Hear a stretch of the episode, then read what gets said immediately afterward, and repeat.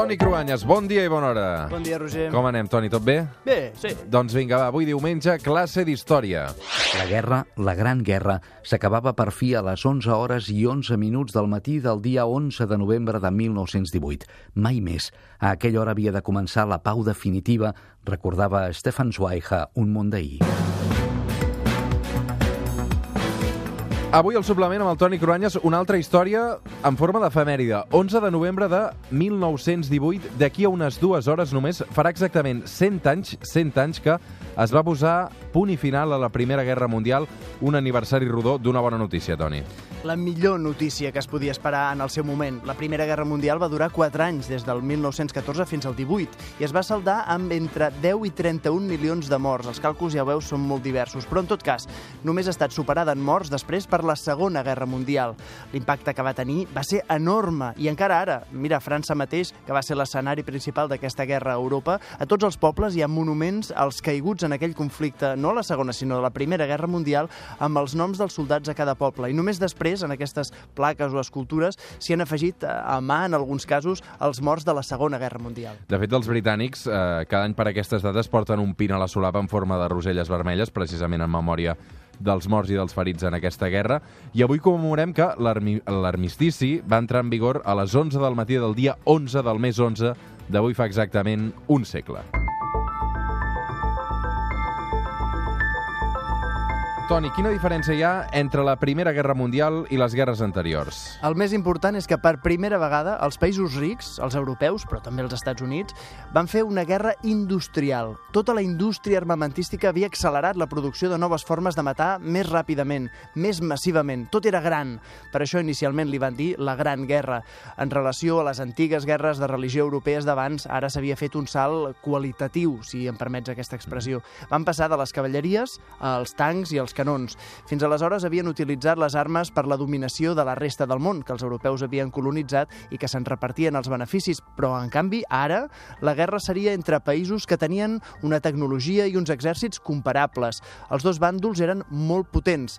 La correlació de forces va posar la Gran Bretanya, França i Rússia en un costat i Alemanya i Àustria a l'altre costat. I com va començar aquesta guerra? Recordem-ho.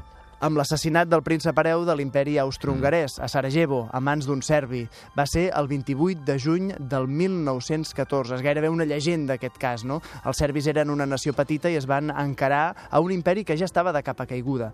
Un símbol dels temps que corrien. Amb la mort de Francesc Ferran d'Àustria, com un joc de dòmino, les peces van anar caient. Àustria va declarar la guerra a Sèrbia. Rússia, aliada de Sèrbia, va declarar la guerra a Àustria. Llavors, Alemanya s'hi va sumar, i així van seguir França, Regne Unit, fins i tot Itàlia, que inicialment va donar suport a Àustria, va acabar en el bàndol oposat. Més enllà del fet concret de l'assassinat de Sarajevo, el que va fer participar en la guerra a tots els països, va ser que Alemanya, que era un país nou en el tauler de les nacions europees, de fet, era fruit del desmembrament del mateix imperi austro-hongarès, doncs Alemanya es va comportar com una potència nova al continent i les potències velles li volien parar els peus. Alemanya s'havia industrialitzat ràpidament, s'havia desentès de l'antic imperi i ja era una realitat econòmica molt potent i va voler demostrar que també podia ser una potència militar, la vella Europa contra els nous rics d'Alemanya.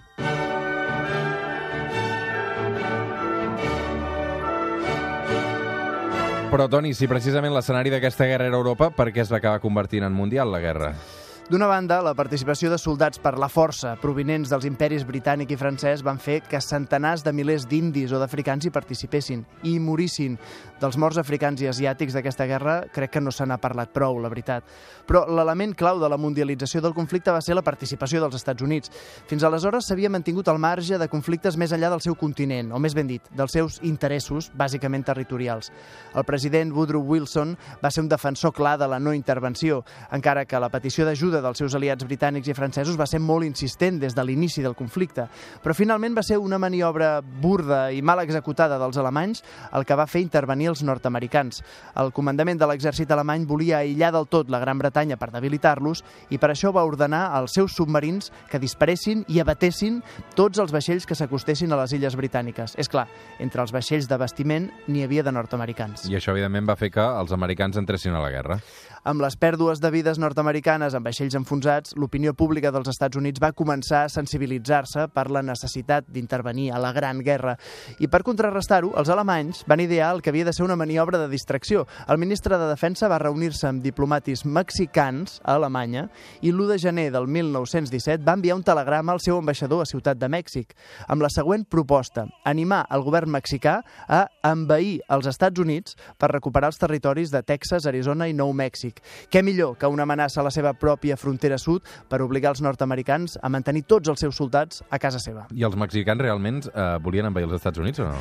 No està clar que ho veiessin factible, tot i que sí era real, insistent la reclamació política dels mexicans, eh, dels seus antics territoris anexionats als Estats Units, però el fet és que el telegrama enviat pel ministre de Defensa alemany va ser interceptat pels serveis d'espionatge britànic que ho van fer públic. Mm. El president Woodrow Wilson li va donar credibilitat i va demanar al Senat i a la Cambra de Representants del seu país que li permetessin declarar la guerra a Alemanya. I així és com els nord-americans van entrar en el conflicte i així és com els alemanys van sentenciar la seva derrota. Els Estats Units van donar l'empenta necessària perquè els aliats guanyessin la guerra de forma rotunda. Avui, 100 anys de la Primera Guerra Mundial, Donald Trump és a París precisament per commemorar aquest centenari. És difícil d'imaginar si ell donaria suport o no a l'entrada dels Estats Units en un conflicte a Europa ara mateix, 100 anys després, no? Esperem no haver de comprovar mai. Però fixa't que els elements bàsics, al fons, la disputa entre països que va provocar aquella Primera Guerra Mundial i, de fet, després la Segona, continua en el rerefons de la política internacional d'avui. Mentalment, imagina la fotografia, eh? Els líders mundials reunits avui a París. Què vol el món? Què volen cadascun d'ells? Vladimir Putin defensa encara l'àrea d'influència que fa un segle Rússia sentia que arribava fins a Sèrbia, com a mínim. Ja no parlem de després de la Segona Guerra Mundial. Què vol Angela Merkel? Els britànics fora de la Unió Europea perquè diuen que la troben massa feta a la mida d'Alemanya. I els Estats Units? Sembla que Donald Trump va completament a la seva, però als seus discursos sembla que encara hi hagi el ressò de l'amenaça d'aquella fallida invasió mexicana.